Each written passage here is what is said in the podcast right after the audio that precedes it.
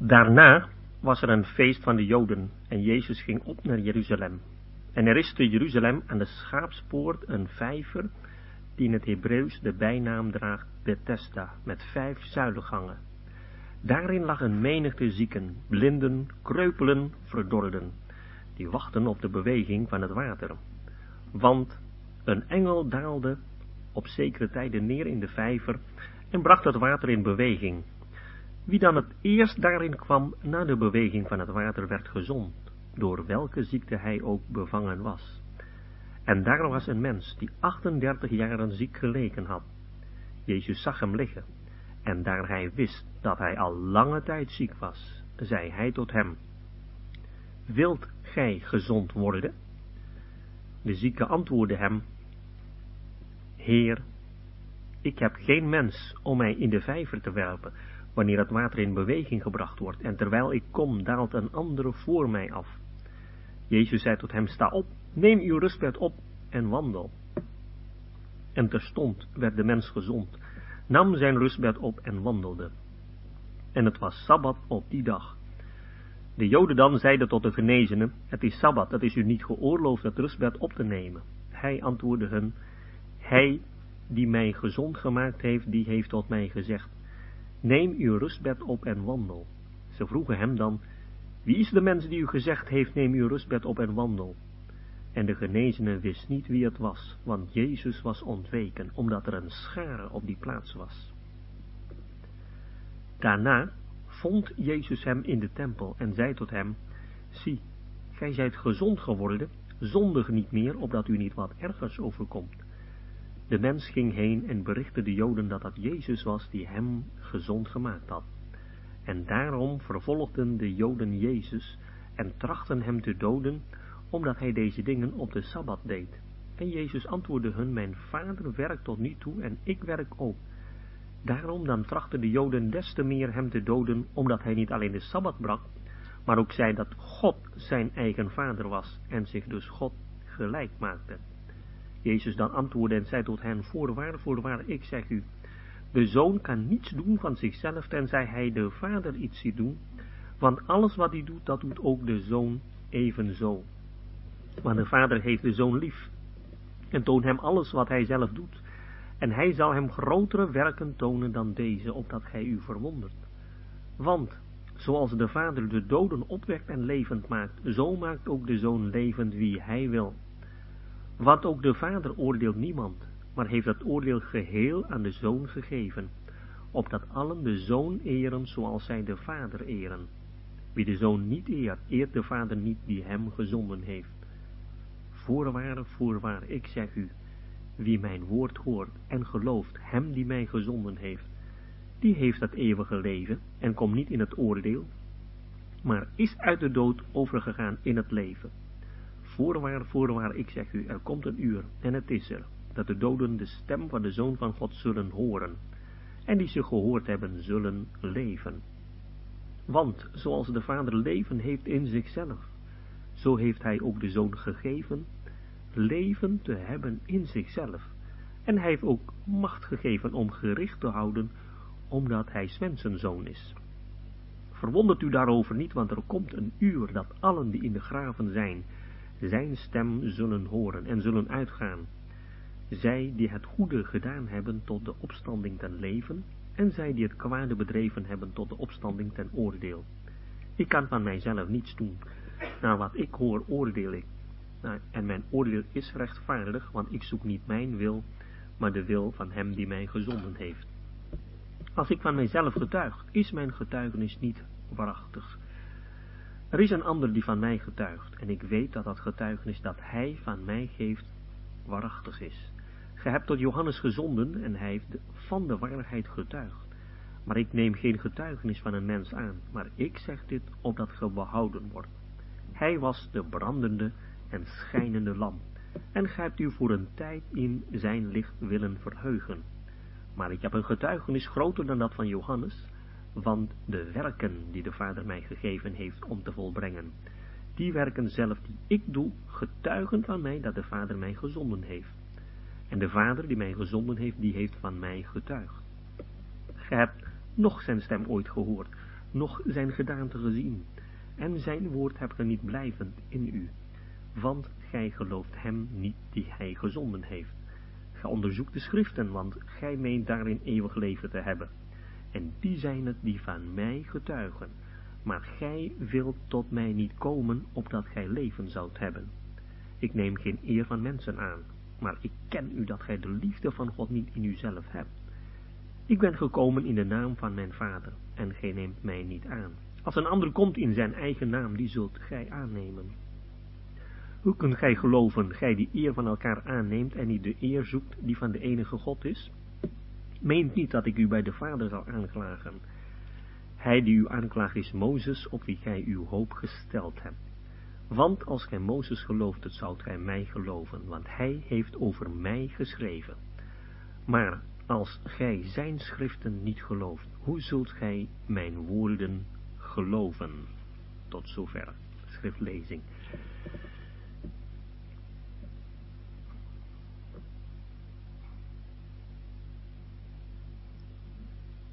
We hebben tot nog toe, broeders en zusters, met elkaar gezien in het evangelie naar Johannes, dat de kern van de zaak is hier de openbaring van God.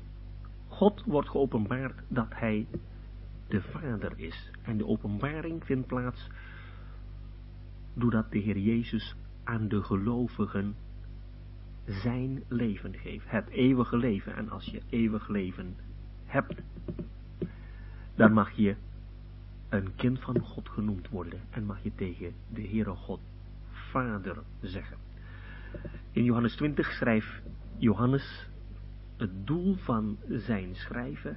Hij schrijft daar, ik heb deze tekenen geschreven, opdat gij gelooft dat Jezus is de Christus, de Zoon van God, opdat gij gelovende het eeuwig leven hebt in zijn naam. We krijgen in het evangelie van Johannes dus de openbaring van het eeuwig leven in de Heer Jezus. In hem was het leven en het leven is het licht der mensen. De openbaring van het eeuwig leven openbaart tevens ook het hart van de mens. Niet alleen God wordt geopenbaard, maar ook de mens wordt geopenbaard door de komst van het licht der wereld. En in Johannes 5 zullen wij beide dingen zien. Enerzijds de openbaring van de Heer Jezus, het eeuwige leven, de Zoon van God. Anderzijds de openbaring van de mens. Krachteloos in zichzelf, vijandig tegen God. Eigenlijk dood in de misdaden en zonden. De vijandschap jegens de Heer Jezus begint hier in Johannes 5. En dat wordt geopenbaard toen de Heer Jezus openbaarde dat hij de Zoon van God was. Als wij beginnen in Johannes 5, dan lezen we hier het woordje daarna. En het woord daarna is typisch voor evangelie naar Johannes. Je vindt in Matthäus het woordje toen, in Marcus terstond, in Lucas en het geschieden, maar hier in Johannes vinden we keer op keer als een refrein het woord daarna, dat ons aangeeft dat de Heer Jezus leefde, mag ik zo zeggen, in de tijdschema van zijn vader, stap voor stap. Dat is meteen al het kenmerk van het eeuwig leven hier. De Heer Jezus doet alleen maar dat wat hij bij zijn vader gezien heeft. Hij zegt alleen maar dat wat hij bij zijn vader gehoord heeft.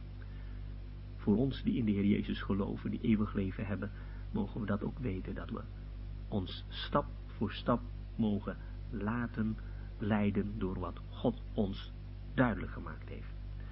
Daarna was er een feest van de Joden en Jezus ging op naar Jeruzalem. We moeten eens even voorstellen, als u in Jeruzalem bent, in het noorden van, van Jeruzalem, aan het Tempelplein. Daar hebt u een poort, de Schaapspoort. Er worden heel veel schapen naar het Tempelplein gebracht om geslacht te worden. En daar vlak buiten de Schaapspoort is er een vijver, Bethesda geheten. Eigenlijk, eigenlijk is het een, meer een ziekenhuis. Het is een vijver met vijf zuilengangen, het is vierkant en in het midden nog één. Tijd geleden is dat opgegraven en gevonden achter een oude kerk in Jeruzalem. Daar in dat ziekenhuis lagen allerlei zieken, allerlei patiënten. Dat lezen we hier, een menigte zieken, blinden, kreupelen en verdorden. Verdorden, dat zijn mensen die verlamd zijn aan hun handen. En dan moeten we even het contrast proberen vast te stellen. Enerzijds was er een feest. Dus de mensen waren eigenlijk verblijd. En zij gingen naar Jeruzalem. Want drie keer per jaar tijdens de grote feesten moesten de Israëlieten naar Jeruzalem gaan. Het was een groot feest. Welk feest precies weten wij niet. Dat is ook niet zo van belang. Maar wel dat de Heer Jezus zelf daar in Jeruzalem was. De Heilige Geest wil ons hier een schilderij maken. En een schilderij in feite van enerzijds een feest van de Joden. Om dus de situatie van de Joden duidelijk te maken. Anderzijds waren ze allemaal ziek. We hebben in hoofdstuk 1 en 2 en 3 elke keer ook gezien hoe de situatie van de Israëlieten was in de ogen van God. Zij waren blind voor wie Johannes de Doper was. Zij waren blind voor wie de Heer Jezus was in Johannes 1. Zij waren ver van God, dat zien we in Johannes 2 en 3. En hier in Johannes 5 zien wij dat ze in feite krachteloos waren. Zonder kracht. Dat woord wat hier vertaald wordt met zieken, dat betekent eigenlijk krachteloos. Dat brengt ons in feite naar Romeinen 5, waar alle ongelovigen geschilderd worden als zijnde krachteloos voor God. God heeft zijn liefde jegens ons bewezen toen wij nog krachteloos waren. Niet in staat om zelf tot God te naderen. Dat is de situatie wat hier geschilderd wordt. En eigenlijk, eigenlijk zouden de Israëlieten, ja, zelf wel tot God moeten gaan. Want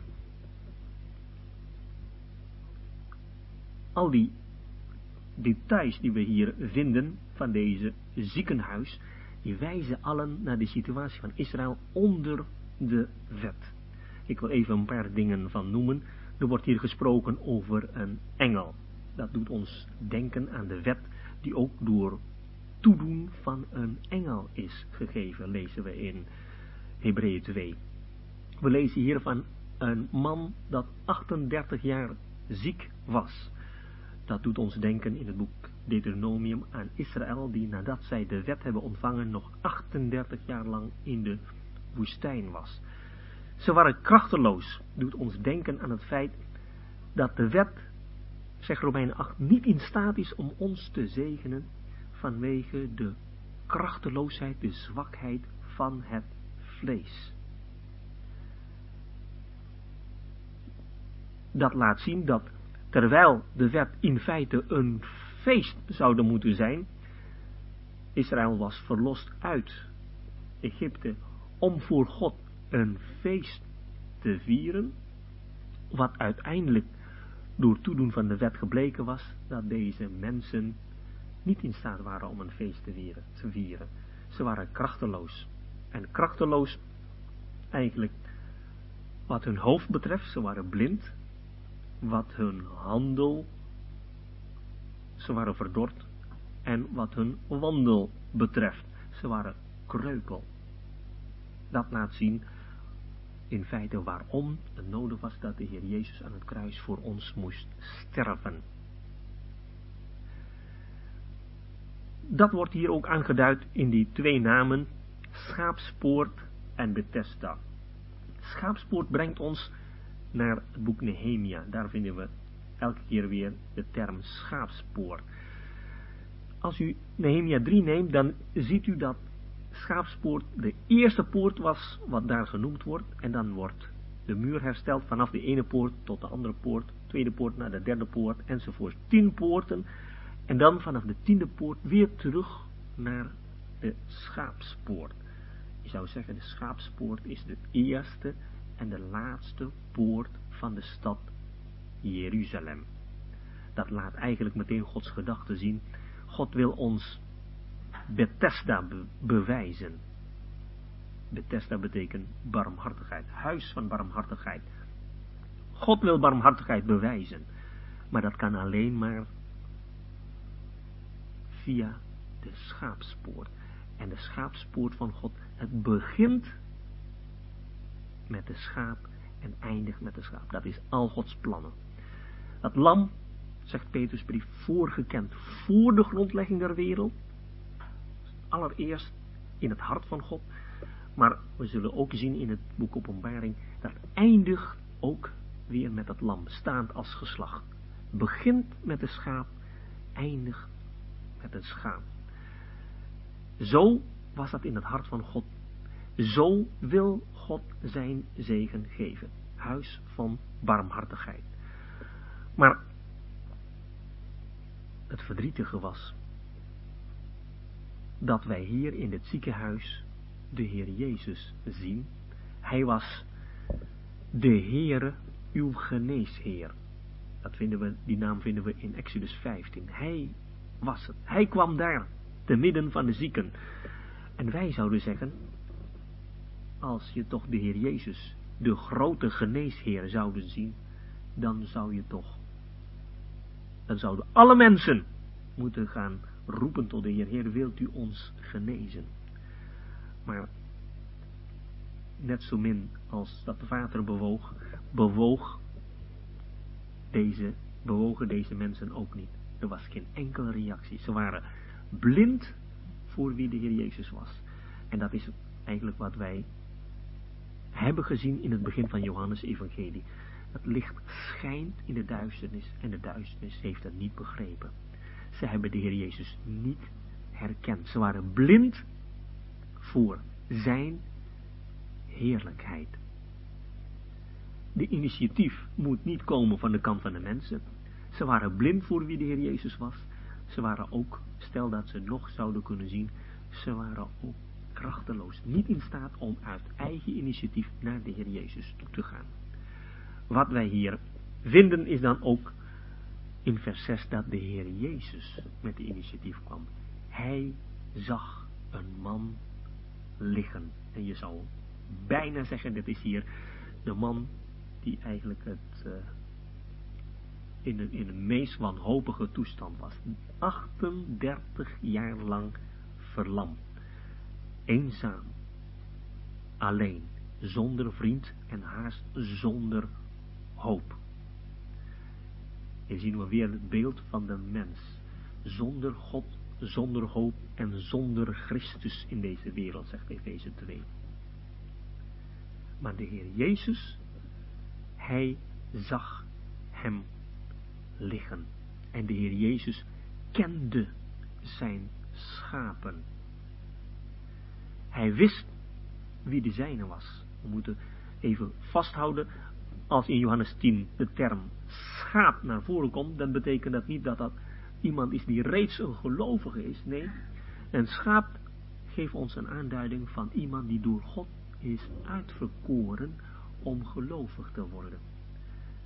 Hier vinden we ook de uitverkiezing. De Heer Jezus zag deze man liggen. Waarom koos de Heer Jezus deze man?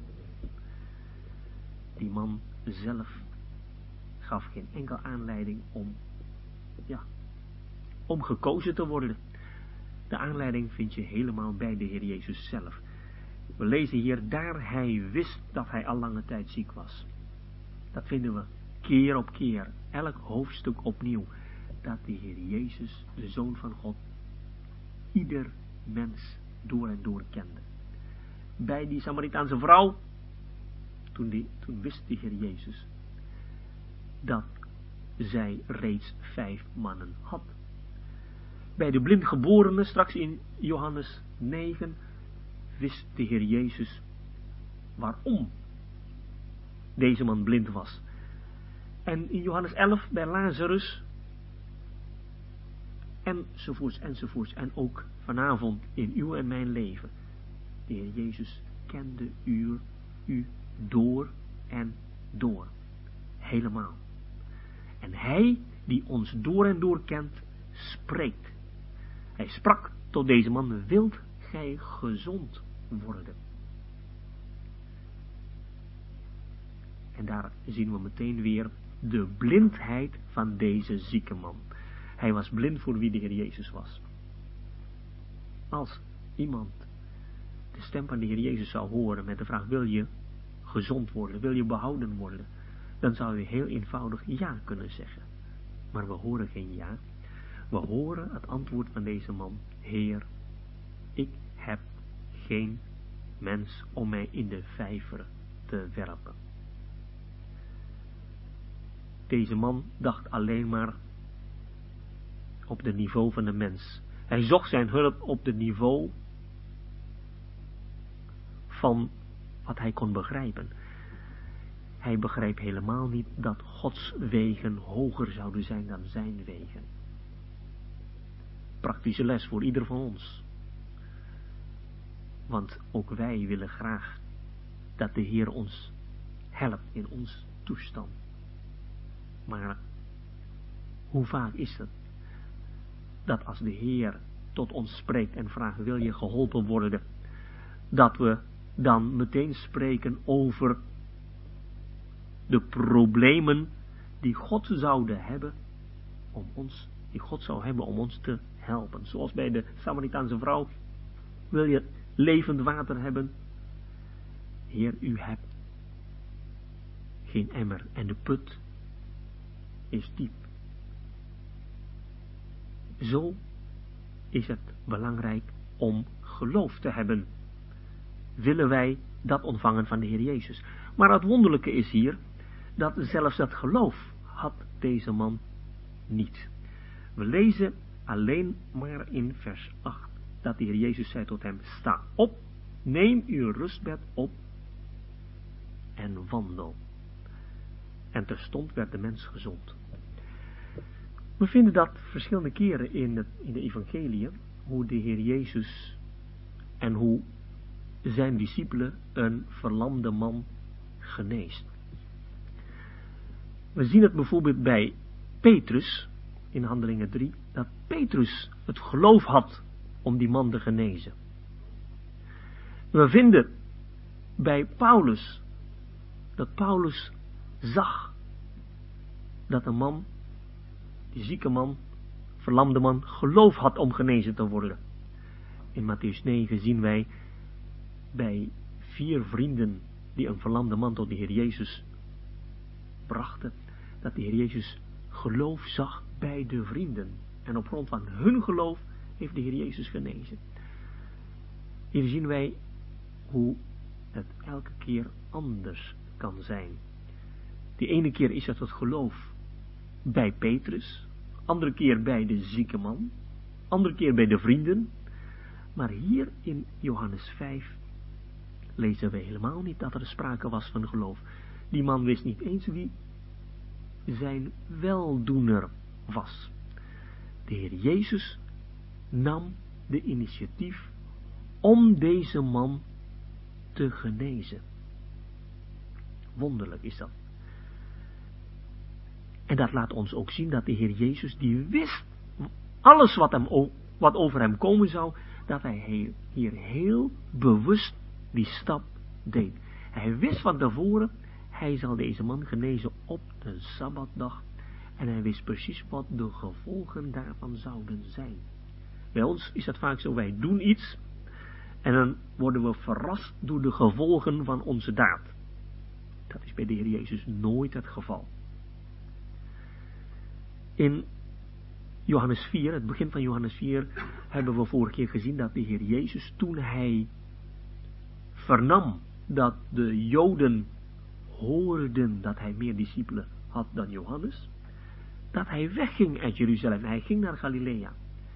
Hij zocht de confrontatie niet. in Johannes 4. Waarom niet? Het was nog niet de tijd van zijn vader. We hebben net gezien hoe in het evangelie naar Johannes de Heer Jezus stap voor stap alles deed wat de, wat de Heere God, wat zijn vader hem duidelijk maakte. In Johannes 2, toen Maria aan de Heer Jezus vroeg, zij hebben geen wijn meer. Toen zei de Heer Jezus, wat heb ik met u te maken? Mijn tijd is er nog niet.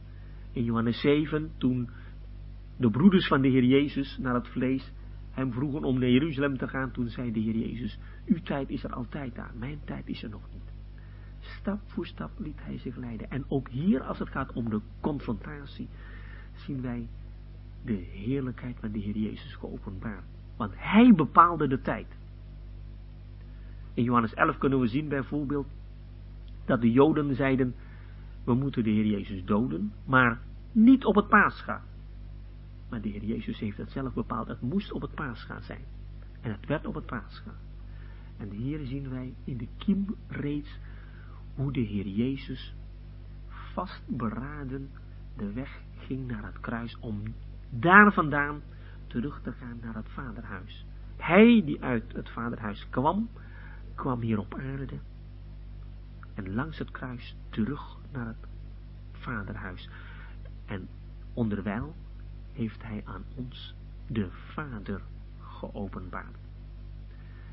En onderwijl heeft hij aan ons de mensheid volkomen geopenbaard.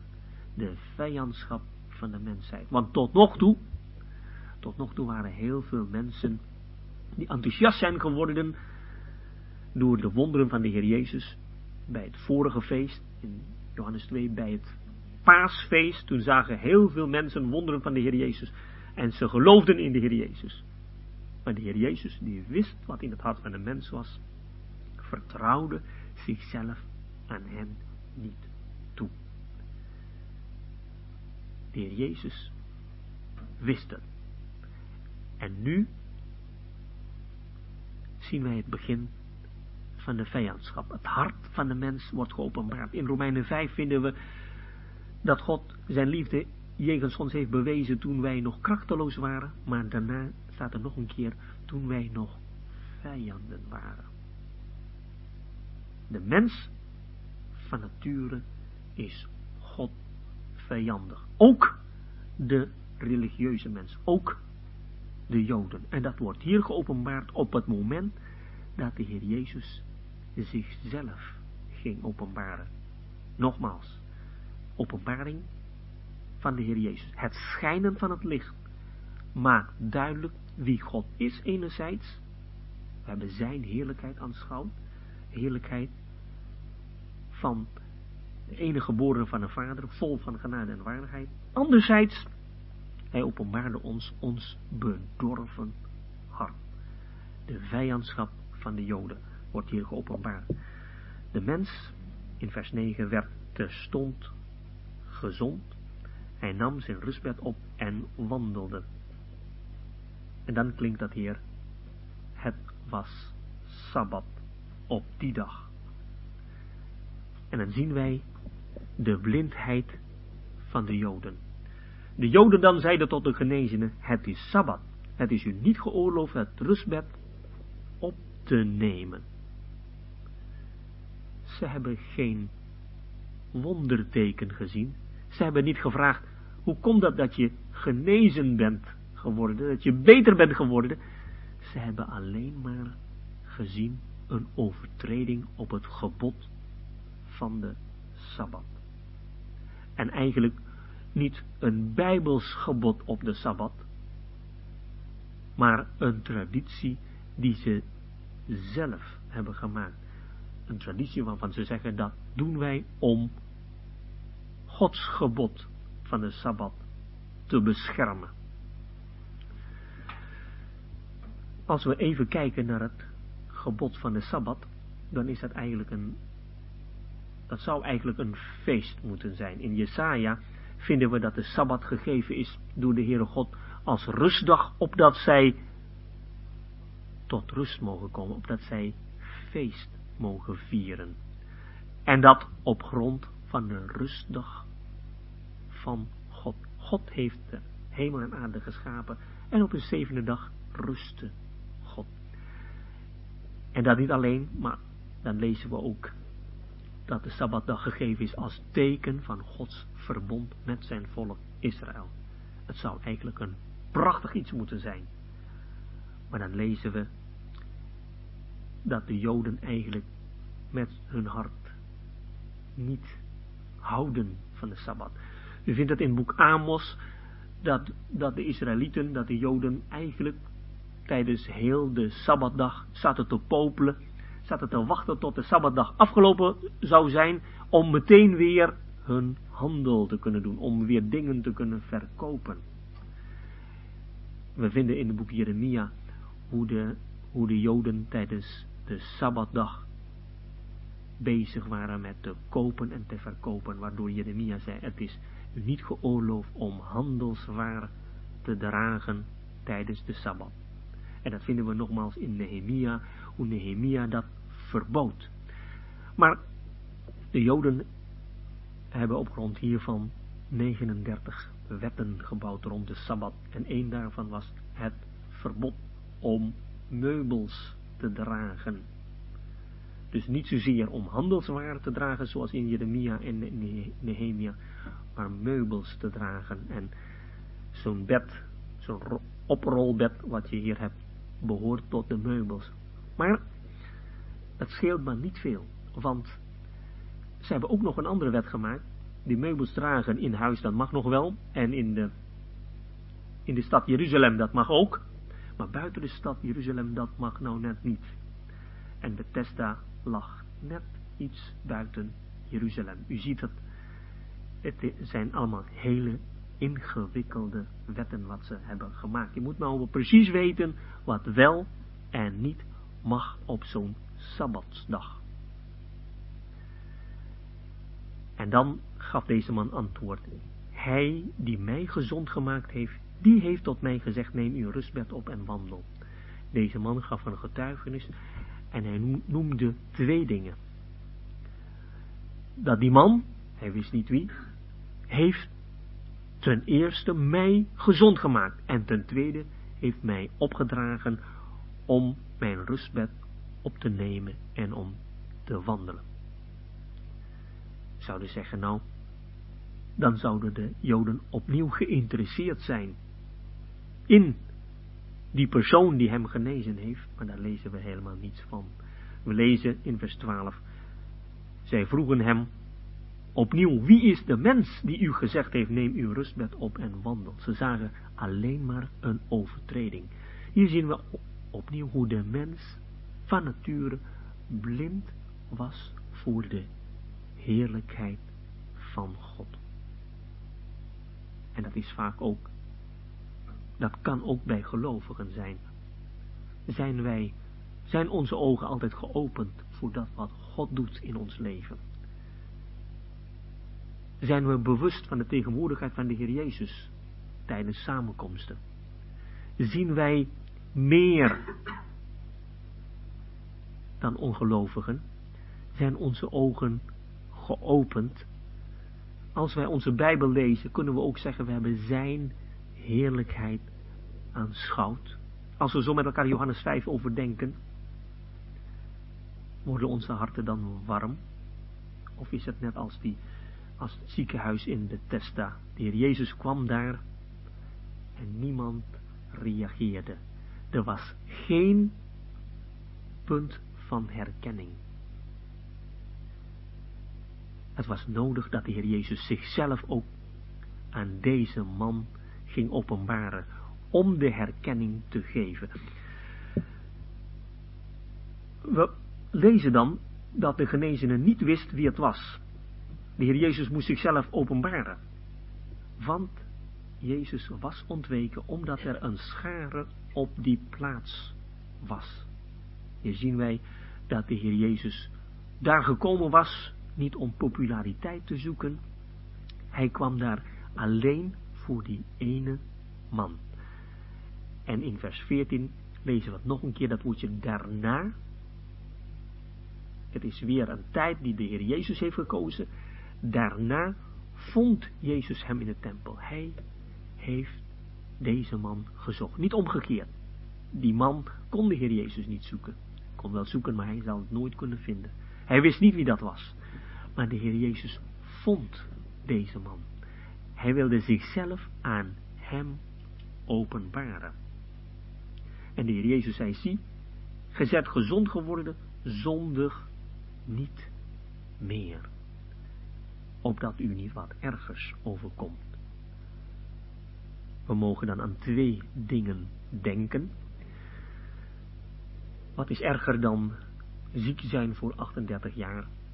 Zouden misschien kunnen denken, deze man die nog steeds geen gelovige was, als hij blijft in zijn zonde, dan komt hij in de hel.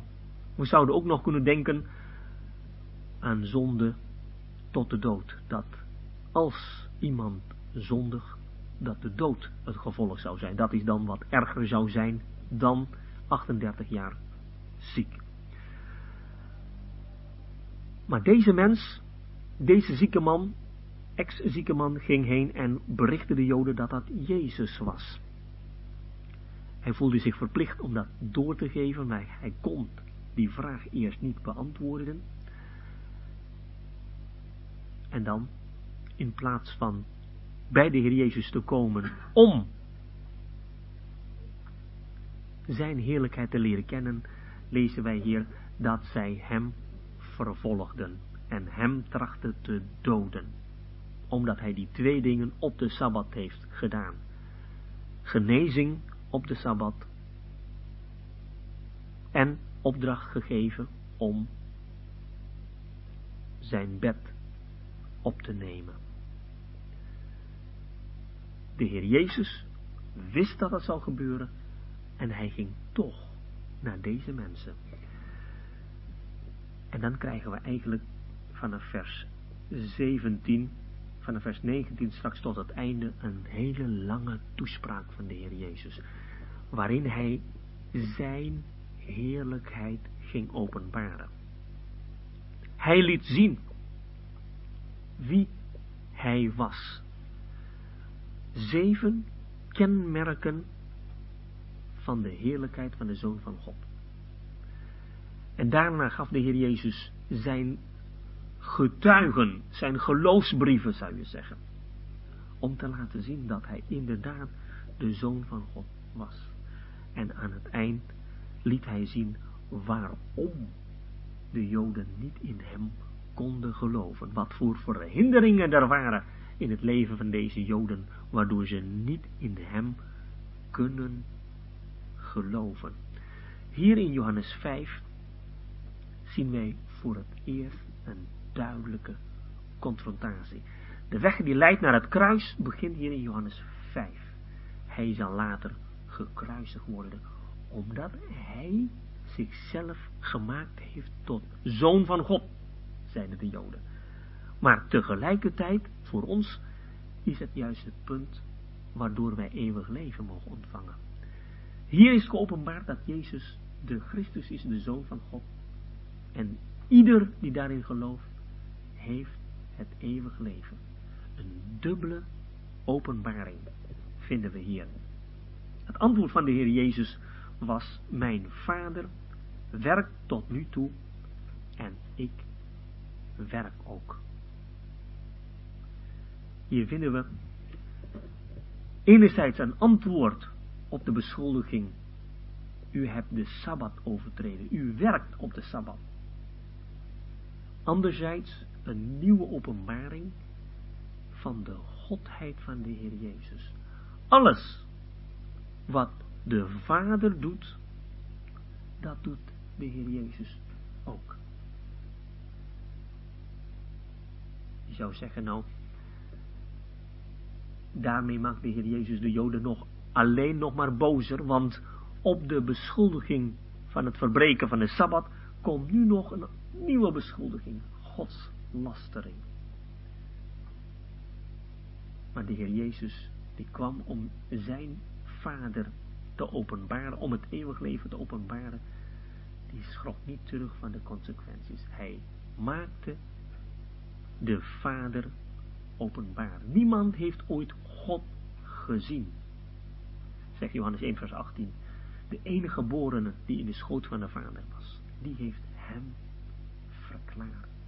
Hier vinden we de openbaring van de vader. En hoe kunnen we de vader kennen? Niemand kent de vader dan de zoon. En diegene aan wie de zoon dat wil openbaren, lezen we in Matthäus 11. En dat is wat we hier vinden. De Heer Jezus openbaarde de Vader aan de mensen. En dan, en dan heb je geen tussenweg. En dan is het alleen maar of je komt tot geloof in de Heer Jezus. En je wordt een kind van God. Je ontvangt eeuwig leven. Of komt vijandschap in je hart. Vijandschap jegens God. Omdat de mens van nature vijandig is jegens God. En dat is denk ik wat ook altijd in ons leven plaatsvindt. Als wij onze Bijbel lezen, als we ons gaan verdiepen in het woord van God, als we in het licht van Gods licht komen, dan moeten we elke keer weer keuzes gaan maken.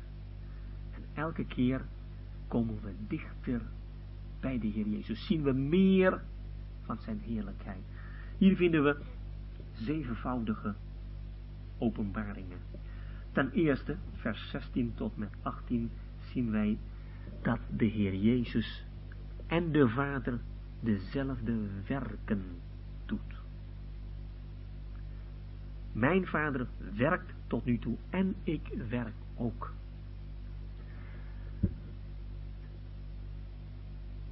Door de zondeval moest de Heere God klederen maken voor de mens. En dat, dat is al meteen een aanwijzing hoe de rust van Gods schepping verbroken was. En wat de Heer Jezus hier duidelijk maakt, hij heeft deze rust voortgezet. Dit wordt verder uitgewerkt in Hebreeën 4. In Hebreeën 4 vinden we stap voor stap verduidelijking dat die sabbatrust van God uiteindelijk plaats zal vinden in de toekomst. Dat Jozua hun niet in de sabbatrust heeft gebracht. Dat Salomo, dat David hun niet in de sabbatrust heeft gebracht. En maar dat de Heer Jezus ons zal brengen in die sabbatrust. Maar voordat die sabbatrust daar, daar is, op dit moment zien wij hoe de vader en hoe de zoon werkten. Dat is het eerste. En het tweede wat we vinden in vers 19 is dat zij dezelfde wil hebben. De zoon kan niets doen van zichzelf, tenzij hij de vader iets ziet doen, want alles wat hij doet, dat doet ook de zoon evenzo. In vers 30 zien wij waarom dat zo is. Ik kan van mijzelf niets doen, maar wat ik hoor oordeel ik, en mijn oordeel is rechtvaardig, want ik zoek niet mijn wil, maar de wil van hem die mij gezonden heeft. Het is niet alleen zo dat de Heer Jezus dezelfde werken deed als de Vader, maar daar vinden we dezelfde wil. Dat is het kenmerk van het eeuwig leven, dezelfde wil als de Vader. Er zijn mensen die zeggen, dat hier, hier staat dat de zoon kan niets doen van zichzelf. Dat laat zien dat de zoon minder is dan de vader. Niets is minder waar. Dat de zoon niets kan doen van zichzelf, is juist de heerlijkheid van God de Zoon. Hetzelfde vinden we in de tekst in uh, Titus, dat God niet liegen kan. Het feit dat God dat niet kan, dat is niet een vermindering van zijn heerlijkheid, maar dat is juist zijn heerlijkheid. En dat de zoon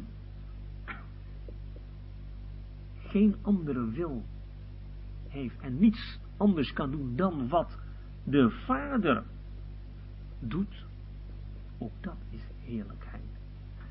En in feite, als we dit begrijpen, dan begrijpen wij waarom in de brief van Johannes ook dit gezegd wordt van de gelovigen. Dat een gelovige niet kan zondigen. Want er wordt gesproken over het eeuwig leven in ons. Hier vinden we de kenmerken van het eeuwig leven. Met dit verschil dat bij de Heer Jezus dat eeuwig leven volmaakt wordt geopenbaard. Hij is het eeuwig leven. Terwijl wij hebben het eeuwig leven in hem en in ons is het vlees nog. En daarom is de openbaring van het eeuwig leven bij ons natuurlijk niet volmaakt. Maar de principe van het eeuwig leven is hetzelfde. Het eeuwig leven wil niets anders dan dat te doen wat de Vader zegt. Mijn spijze is de wil te doen van hem die mij gezonden heeft, zegt de Heer Jezus. Dat is het eeuwig leven. En dat is een bemoediging als wij tegen elkaar mogen zeggen. Ook die kenmerken hebben we. God heeft dat willen in ons hart bewerkt. En voor een gelovige, voor een jonge gelovige, is dat een bemoediging om te weten, ja, daaraan kan ik herkennen dat ik het eeuwig leven heb, aan die kenmerken. Niet aan die openbaring. Naar buiten toe, de praktijk, dat kan heel zwak zijn. Even een voorbeeld noemen, de zijpad naar het leven van Petrus. Als wij de vraag zouden stellen aan Petrus, Petrus, heb je de Heer Jezus lief? Dat heeft de Heer Jezus gesteld, die vraag. Petrus, hebt ge mij waarlijk lief? Simon Barjona. En dan moest, die, moest Petrus bij de derde keer zeggen, Heer, u kent, u weet alle dingen. U kunt in mijn hart kijken. U weet dat ik u lief heb. Petrus kon geen beroep doen op de praktijk van zijn leven. Lief en toon hem alles wat hij zelf doet. En hij zal hem grotere werken tonen dan deze, opdat gij u verwondert. Er is niets verborgen voor de zoon. Alles wat de vader doet, wordt aan de zoon getoond. Hier zien we opnieuw de heerlijkheid van de Heer Jezus. Hij ziet, hij heeft inzicht omtrent alles wat de vader doet. En in principe hebben ook wij dat. In Johannes brief lezen wij dat wij, de, dat wij de zalving van de Heilige Geest hebben en wij alles weten. In principe door het ontvangen van eeuwig leven en de Heilige Geest zijn wij in staat om de goddelijke dingen te verstaan. Geestelijke dingen in Korinthe 2, meegedeeld met behulp van geestelijke woorden aan een geestelijke mens geopenbaard. Wij hebben door Gods genade het, de capaciteit om Gods, in Gods gedachten in te dringen. Waardoor de Heer Jezus zegt in Johannes 15, ik noem u niet meer slaven, ik noem u vrienden, want alles wat de Vader mij heeft geopenbaard, getoond, dat openbaar ik jullie. Dan maak ik aan jullie duidelijk. Ook wij die eeuwig leven ontvangen, mogen groeien in die inzicht en de capaciteit om te verstaan, dat hebben we. Ten vierde vinden we hier in Johannes 5 dat de Heer Jezus dezelfde rechten heeft als de Vader. Zo maakt ook de Zoon levend wie hij wil. De Heer Jezus heeft alle rechten ontvangen. Soevereine rechten. Wie hij maar wil. En dat kunnen we op twee manieren toepassen. Ten eerste, met betrekking tot lichamelijk eh, opstanding. Dat zien wij in Johannes 11 bij Lazarus. Dat de Heer Jezus Lazarus opwekte uit de doden. Maar in de eerste instantie gaat het hier toch om geestelijk iemand tot leven brengen. Om eeuwig leven te geven aan een ongelovige. Zo maakt ook de zoon leven wie hij wil. En dat is eigenlijk ook al getoond in het feit dat de Heer Jezus daar in Bethesda kwam en een man koos uit zichzelf. Hij wilde dat. En daarom werd die man genezen. Soevereine rechten bij de Heer Jezus. Ook daarin zien wij de heerlijkheid van de Heer Jezus. Naar onze verantwoordelijkheid, dan zien we natuurlijk de andere kant. Dat wij hebben de verantwoordelijkheid om in de Heer Jezus te geloven. Maar we kunnen alleen maar geloven als wij eeuwig leven ontvangen. Hier zien wij, hier komen we bij een, bij een grote mysterie. Want wij beginnen natuurlijk altijd met geloven. Maar hier in Johannes Evangelie begint het met eeuwig leven. Wij lezen namelijk in vers 24, ten aanzien van levenmaking, dan sla ik één punt nu over, maar in vers 24 lezen wij, voorwaar, voorwaar, ik zeg u, wie mijn woord hoort en gelooft, hem die mij gezonden heeft, die heeft het eeuwige leven. De Heer Jezus zegt niet dat het woord horen en geloven in hem die mij gezonden heeft, dat zijn voorwaarden van het, om, om eeuwig leven te ontvangen. Nee, dat zijn de kenmerken van iemand die eeuwig leven heeft ontvangen. Dat is het wonderlijke. De Heer Jezus geeft het eeuwig leven en daarom kan iemand, kan iemand zijn woord horen en in God geloven. Dat is eigenlijk de, de, de wonderlijke van Johannes 5. Als de Heer Jezus zegt tegen die verlamde man, sta op, neem uw rustbed op en wandel. Het is niet zo dat die man eerst opstaat en daarna genezen wordt. Nee, eerst gaf de Heer Jezus die genezing en daarom kon hij opstaan. Eerst geeft de Heer Jezus het eeuwig leven en daarom kan iemand geloven, gezien vanuit de hemel, gezien vanuit ons kant, vanuit onze verantwoordelijkheid. Natuurlijk moeten we niet zeggen, Heer, u moet eerst beginnen met mijn eeuwig leven te geven. Nee, ik moet beginnen met mijn kant, namelijk te horen en te geloven. Maar het wonderlijke is, op het moment dat ik wilde geloven, maakt de Heer Jezus dat mogelijk. Hier komen we bij, iets, iets, goddelijks, iets, iets wat wij niet kunnen begrijpen. Het gaat niet tegen ons verstand, maar het gaat boven ons verstand. Hoe de Heer Jezus iemand levend maakt wie Hij wil. Het is niet zo dat wij het hebben gewild en dat wij, doordat wij hebben gewild, alles op gang hebben gezet. Nee, Hij wilde het. Die verlamde man heeft de Heer Jezus niet gekozen, heeft de Heer Jezus niet gekend, heeft de Heer Jezus niet gezocht. Nee, omgekeerd. De Heer Jezus heeft die man gezien. De Heer Jezus heeft tot die man gesproken en de Heer Jezus heeft later ook die man gezocht. Alles kwam van hem. Maar nogmaals, wij worden hier gebracht naar een hoogte waardoor wij de dingen gaan kijken met een, met eerbied gesproken, met een hemels bril. We zullen moeite hebben om die dingen te leren zien, want wij hier zien is de heerlijkheid van de enige geborene van de Vader. Vol van genade en waarheid. Genade die hij bewezen heeft aan die verlamde man. Maar meteen daarachteraan waarheid, want hij heeft gesproken zondig niet meer. Ik heb één punt overgeslagen, dat is vers 22 en 23. En dan zien wij het vierde punt, namelijk goddelijk eer. Goddelijk eer zijn we verschuldigd aan de Vader.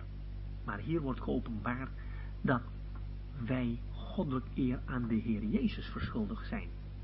Want het is de wil van God de Vader dat wij de Zoon eren zoals wij de Vader eren.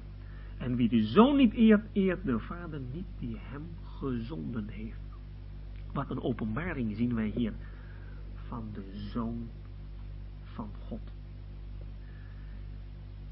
En daarna vinden we in vers 25 het zesde punt, punt van levendmaking.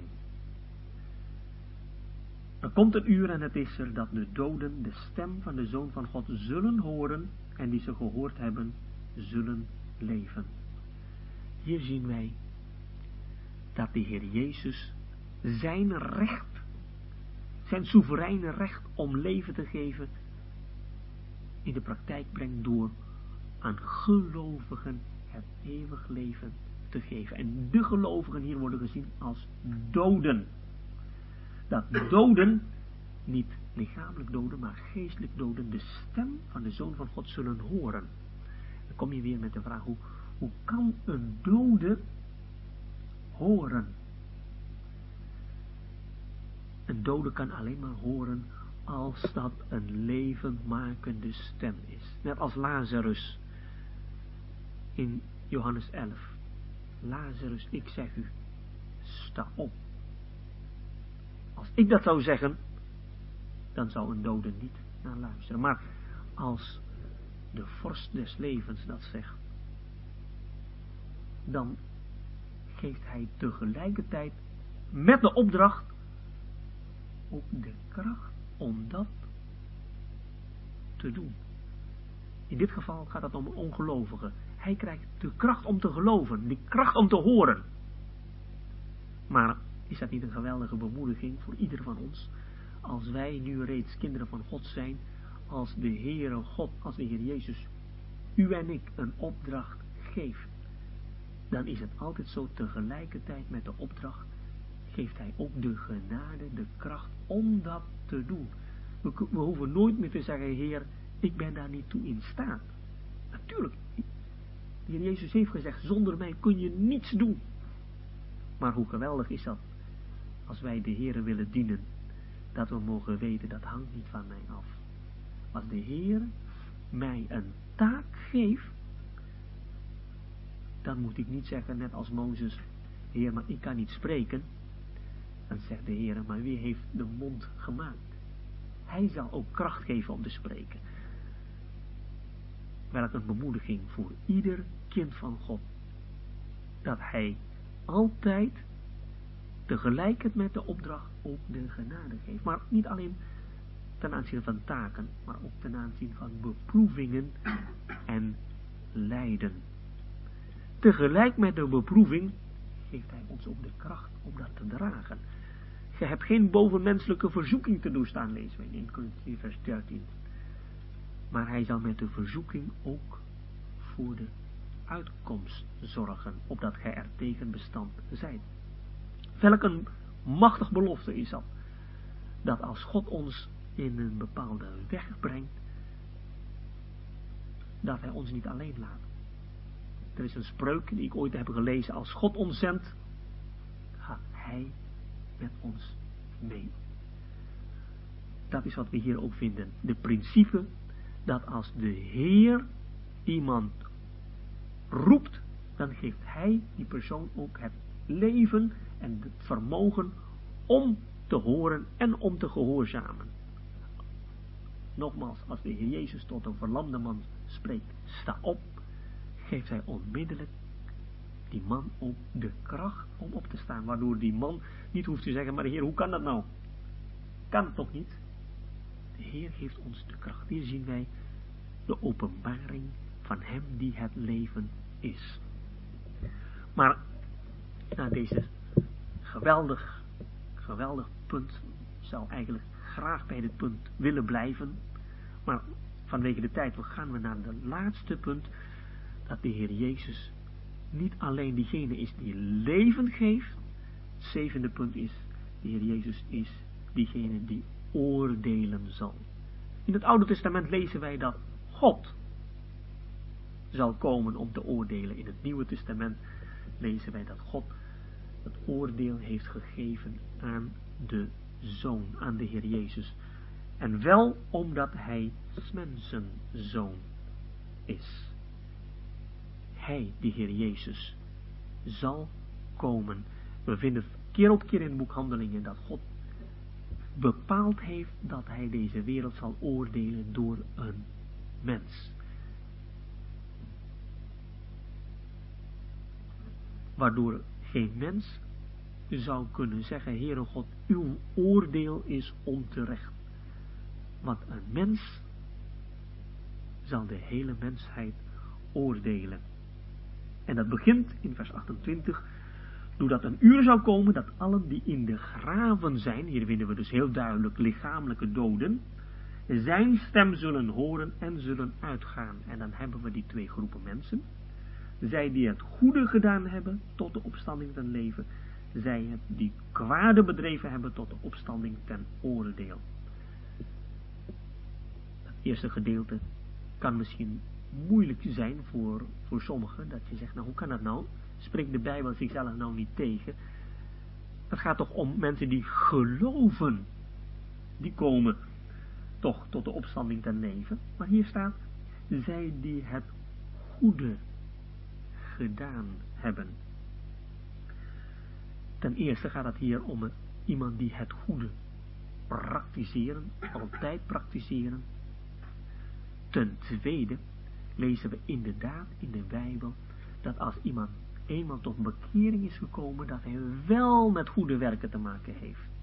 Ik wil u brengen naar Efeze 2, waar we vinden dat nadat wij tot bekering zijn gekomen, we zijn behouden door het geloof, dan lezen we er achteraan op dat wij de, zouden wandelen in de goede werken die hij ons tevoren heeft bereid.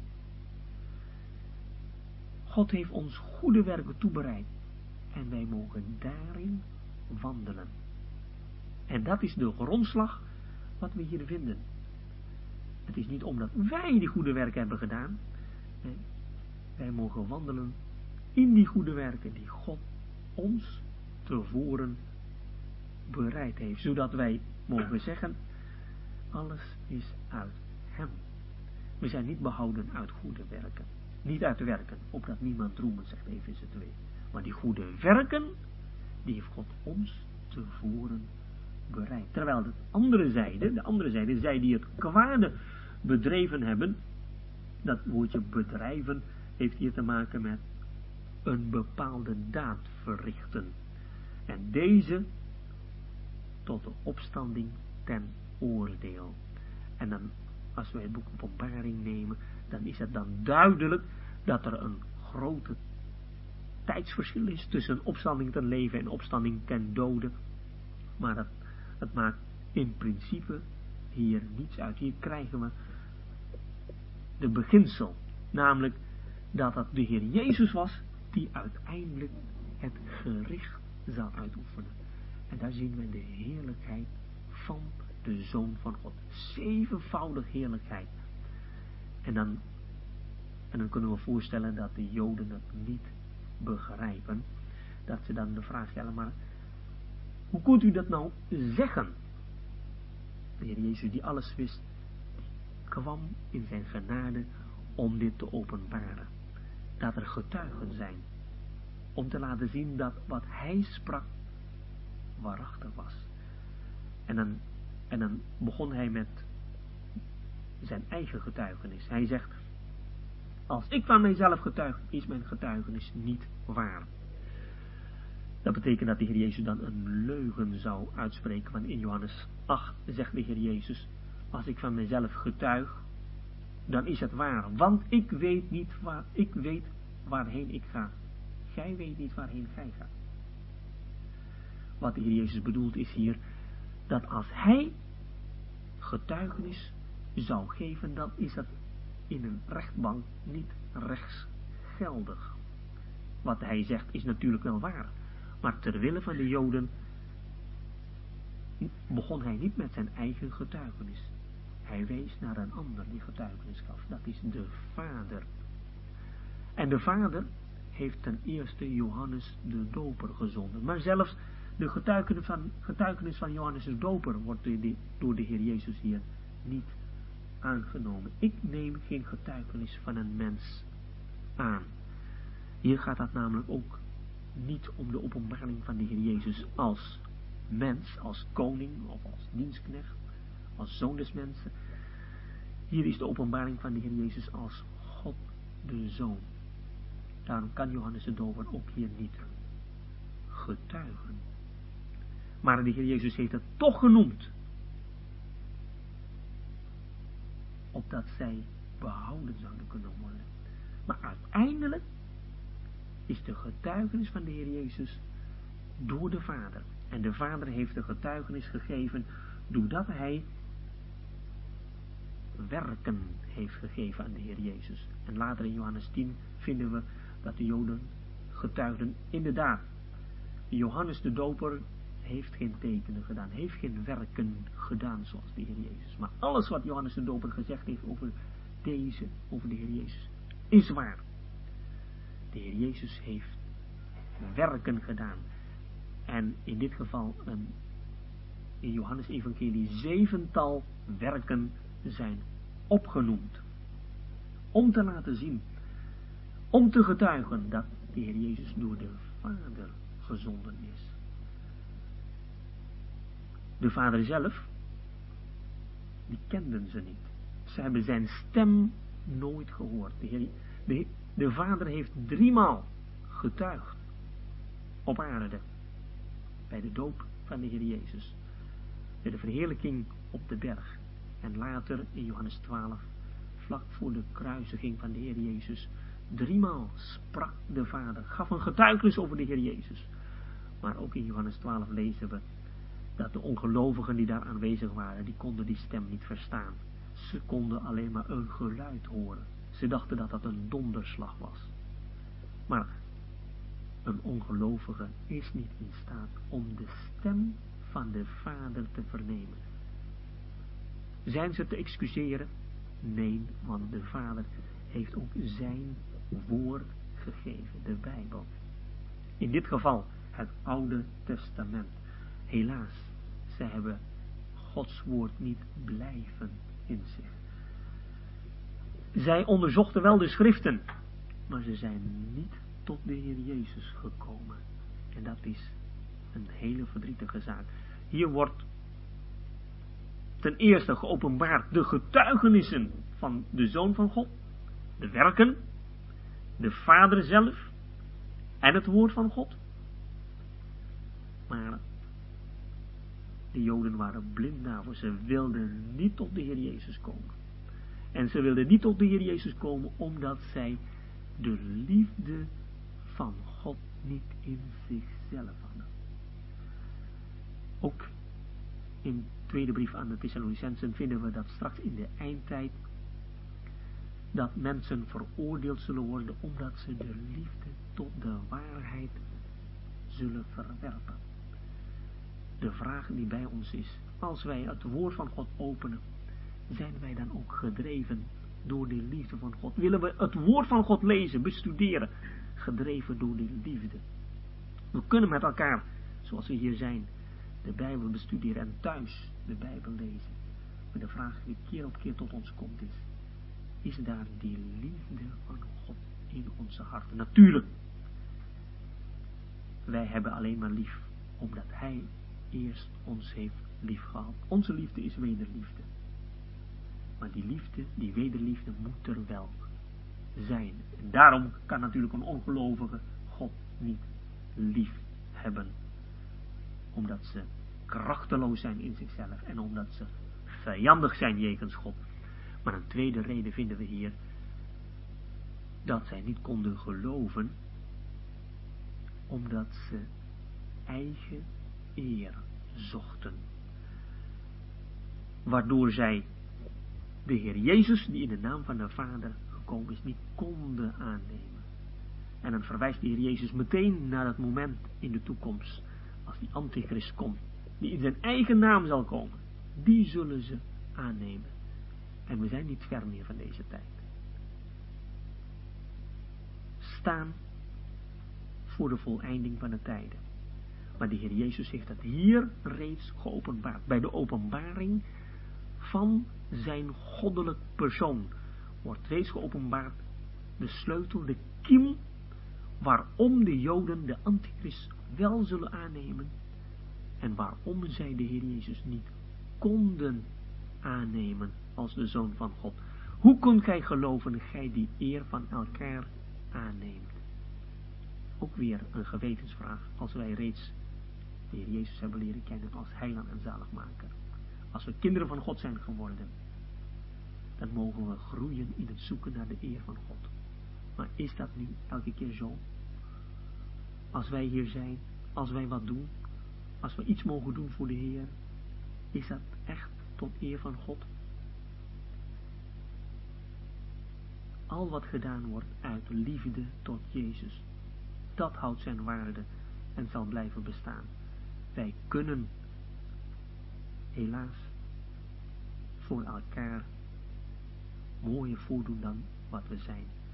Maar de Heer Jezus die alle dingen wist, die wilde vanavond ook tot ons hart en geweten spreken en, en die vraag stellen, zoeken wij inderdaad in ons leven de eer van God? Als we de samenkomsten bezoeken, willen we echt de eer van God zoeken. Als wij op ons werk zijn, zoeken we echt de eer van God. Al wat ge doet, wat ge eet, wat ge drinkt, al wat ge doet, doe dat tot eer van God. Is dat zo? En tenslotte, een derde reden waarom zij niet in de Heer Jezus konden geloven, namelijk omdat zij het Oude Testament niet geloofden, de woorden van Mozes niet geloofden. Ze bestudeerden de geschriften van Mozes wel, maar zij geloofden niet in Mozes.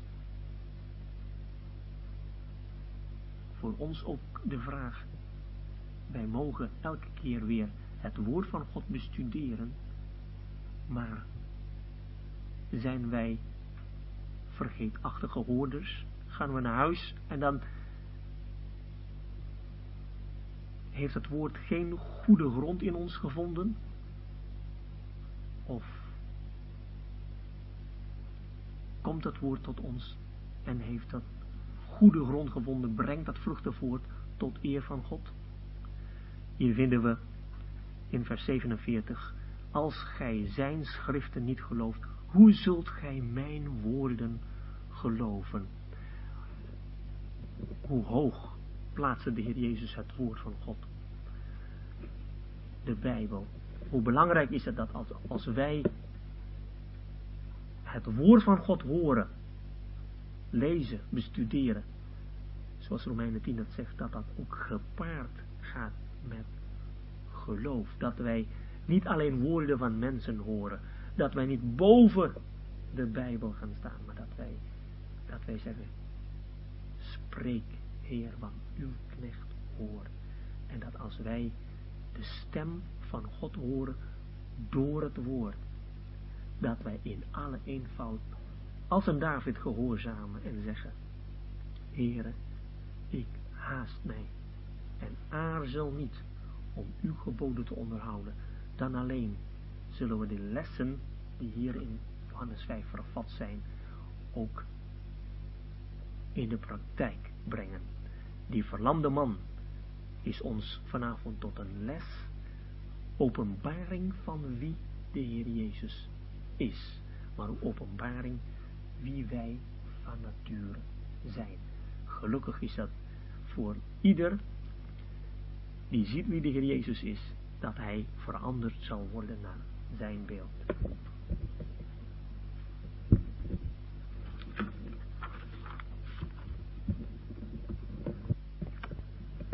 Eerste vraag, de eer die van God komt, zoekt gij niet. Wordt met de eer de Heer Jezus bedoeld. De tekst is, hoe kunt gij geloven, gij die eer van elkaar aanneemt en niet de eer zoekt die van de enige God is. Ik denk dat dat toch hier meer, meer in, het, uh, in het algemeen is. Dat, uh, dat de vraag is naar de motivatie van een persoon. Wat zoeken wij? Zoeken wij iets wat tot eer is van jezelf? Of zoek jij iets wat tot eer is, tot meerdere glorie, verheerlijking van God? Eer zoeken van jezelf kan een verhindering zijn om de weg van God te volgen. Dat is niet alleen Johannes 5. Aan het eind van Johannes 12 vinden we dat nog een keer. Johannes 12 vers 43. Nou, laten we vers 42 beginnen. Toch geloofden ook zelfs velen uit de oversten in hem, maar om de fariseeën beleden zij hem niet, opdat zij niet uit de synagoge zouden worden gebannen, want zij hadden de eer van de mensen lief, meer dan de eer van God. Als je uit de synagoge wordt gebannen, dan is dat een schande. En dat, uh, die prijs wilden ze niet betalen om door de mensen verworpen te worden. En dan kiezen ze maar liever de eer van mensen dan de eer van God. En dat is de vraag ook bij ons. Als wij de Heer Jezus willen volgen, dan betekent dat ook hoon en smaad en schande. De vraag is, zijn wij bereid om die prijs te betalen? De Heer Jezus zegt dan, als iemand een huis wil bouwen, die moet dan eerst berekenen wat de kosten zijn. Als iemand oorlog wil voeren, moet je kijken hoeveel soldaten je hebt en hoeveel soldaten je de, de, de vijand heeft. Anders moet je er niet aan beginnen. En als iemand mij wil volgen, die moet eerst de prijs berekenen.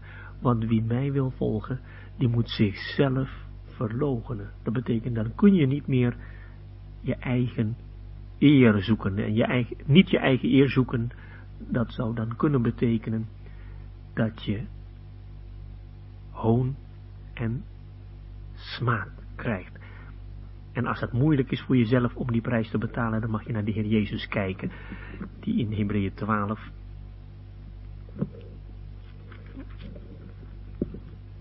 van, van hem wordt gezegd, wij zien op Jezus, de overste leidsman en volleinder van het geloof, die om de vreugde die voor hem lag, het kruis heeft verdragen, de schande heeft veracht, en is gaan zitten aan de rechterzijde van de troon van God. Aanschouwt hem. Ook hij heeft die prijs betaald. Het kruis verdragen, de schande veracht, omdat hij naar de vreugde die voor hem lag heeft gekeken. En dat is eigenlijk voor ons ook. Ons ogen moeten gericht zijn op de eer van God. En dan kunnen we die prijs betalen om de eer van mensen terzijde te stellen. Maar we zullen die twee naast elkaar moeten plaatsen en de keuze maken om zijn eer te zoeken. Uh, volgende vraag. Kun je ook als gelovige ziek worden, zeker doodgaan door je zondig gedrag? Het antwoord is ja. In 1 Johannes 5 lezen we over een broeder die de zonde tot de dood begaat. En dan blijkt uit het feit dat het hier over een broeder gaat, dat dat hier om een gelovige. Een gelovige kan zondigen en het gevolg daarvan is sterven in enkele gevallen. Je vindt dat in 1 Korinthe 11. Daarom zijn er niet vele zieken en niet weinig ontslapenen in uw midden. Als gevolg van het niet onderscheiden van het lichaam van Christus bij het avondmaal waren sommigen van hen overleden. Dat is een voorbeeld van zonde tot de dood. Ananias en Sapphira zijn gelovigen die ook ontslapen zijn vanwege zonde tot de dood. Ze zijn wel behouden, maar als door vuur heen, zou je zeggen. Lichamelijk moeten ze sterven. En dat kan vandaag de dag ook. Eigenlijk als een gelovige iets doet waardoor hij de doodstraf krijgt van de regering, kan je ook beschouwen als een zonde tot de dood. Als je een zonde doet waardoor je een ongeneeslijke ziekte krijgt, kan je ook als een zonde tot de dood beschouwen. Zonde tot de dood betekent eigenlijk heel eenvoudig een zonde waardoor in de regering van God de lichamelijke dood tot gevolg heeft. Uh, een andere vraag was ten aanzien van Johannes 5, vers 3 en 4. Er staat tussen haakjes. Tweede gedeelte van vers 3 en vers 4 staan tussen haakjes. En dat is inderdaad zo dat in de oudste manuscripten dat niet bijstond. Pas in de manuscripten na de vierde eeuw na Christus vind je deze teksten. Waarschijnlijk stonden deze teksten um, als een kanttekening, oorspronkelijk als een kanttekening in de oudste manuscripten. Of dat, uh, wat dat verder voor ons betekent, dat, uh, dat is denk ik voor ons niet zo belangrijk. Ik heb dat, wat de engelen betreft, toegepast op de wet die door toedoen van engelen zijn gegeven, maar stel dat die teksten niet oorspronkelijk zouden zijn, dan zou dat misschien kunnen wijzen op bijgelovende joden, maar wat dat voor ons verder voor betekenis heeft, dat is, niet, dat is meer een verklaring van de achtergrond dan een, uh, een geestelijk betekenis. Um, als laatste, de heer Jezus gaf als antwoord over de beschuldiging dat hij de wet, de Sabbat heeft overtreden, hier mijn vader werkt tot nu toe en ik werk ook. Het is geweldig om te zien dat in elk evangelie, dat de Heer Jezus een ander antwoord geeft. Hij, de Heer Jezus heeft heel veel wonderen verricht op de Sabbat. En elke keer bracht dat confrontatie met zich mee. Als u het evangelie naar Matthäus zou nemen, Matthäus 12, daar vindt u op die beschuldiging, u hebt de Sabbat overtreden, het antwoord van de Heer Jezus. Let op David. Wat heeft David gedaan? En daar waar de Heer Jezus geschilderd wordt als de zoon van David, meer dan David, daar wees de Heer Jezus op David, hoe hij handelde. In het evangelie naar Marcus, Marcus 2, op de beschuldiging dat de Heer Jezus de Sabbat overtrad, sprak de Heer Jezus de woorden, de Sabbat is geschapen om de mens en niet de mens om de Sabbat. De Sabbat is geschapen ten dienste van de mens. In het evangelie waar de volmaakte dienstknecht naar voren kwam, sprak hij niet over zichzelf, over de persoon van de dienaar, dat is helemaal niet belangrijk, daar vindt u ook geen geslachtsregister in Marcus, maar daar vindt u zijn dienst. En de Sabbat is geschapen ten dienste van de mens. En in het evangelie naar Lucas, Lucas 12, daar vindt u het antwoord van de Heer Jezus over barmhartigheid. Kijk maar naar een os of een ezel als in het water valt op de Sabbat. Dan haal je toch ook eruit. Nou, heb je dan geen medelijden voor deze zieke vrouw, die zo lang ziek was. Daar vindt u een gevoel van barmhartigheid, een gevoel van menselijkheid als antwoord op de beschuldiging van het overtreding van de Sabbat. Maar hoe geweldig is het dat we in het evangelie naar Johannes, waar de Heer Jezus voor ons hart, voor ons ogen geschilderd wordt als de Zoon van God, dat hij als antwoord gaf, mijn vader werkt tot nu toe en ik werk ook. Zijn argument waarom hij deze genezing juist op de Sabbat deed, was zijn goddelijk persoon. En als we zo de evangelie lezen en bestuderen, dan wordt, ik zou haast zeggen, elk uitdrukking, elk woord, net als een, bij een diamant, een nieuwe facet die een nieuwe heerlijkheid van de Heer Jezus naar voren brengt.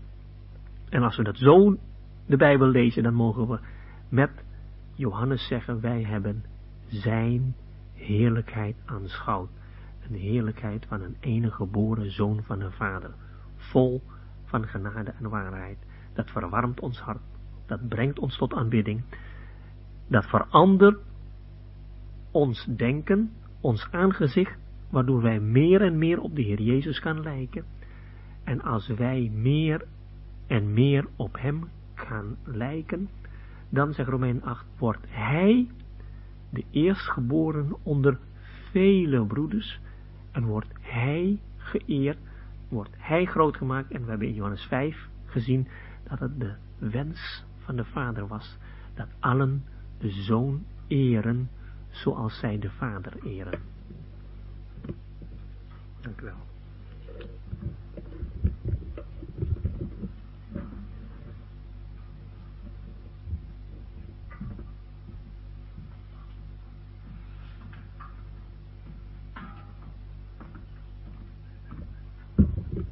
Mag ik u allen nog danken voor uw aanwezigheid en u wel thuiswensen, zo de Heer wil tot 28 april graag.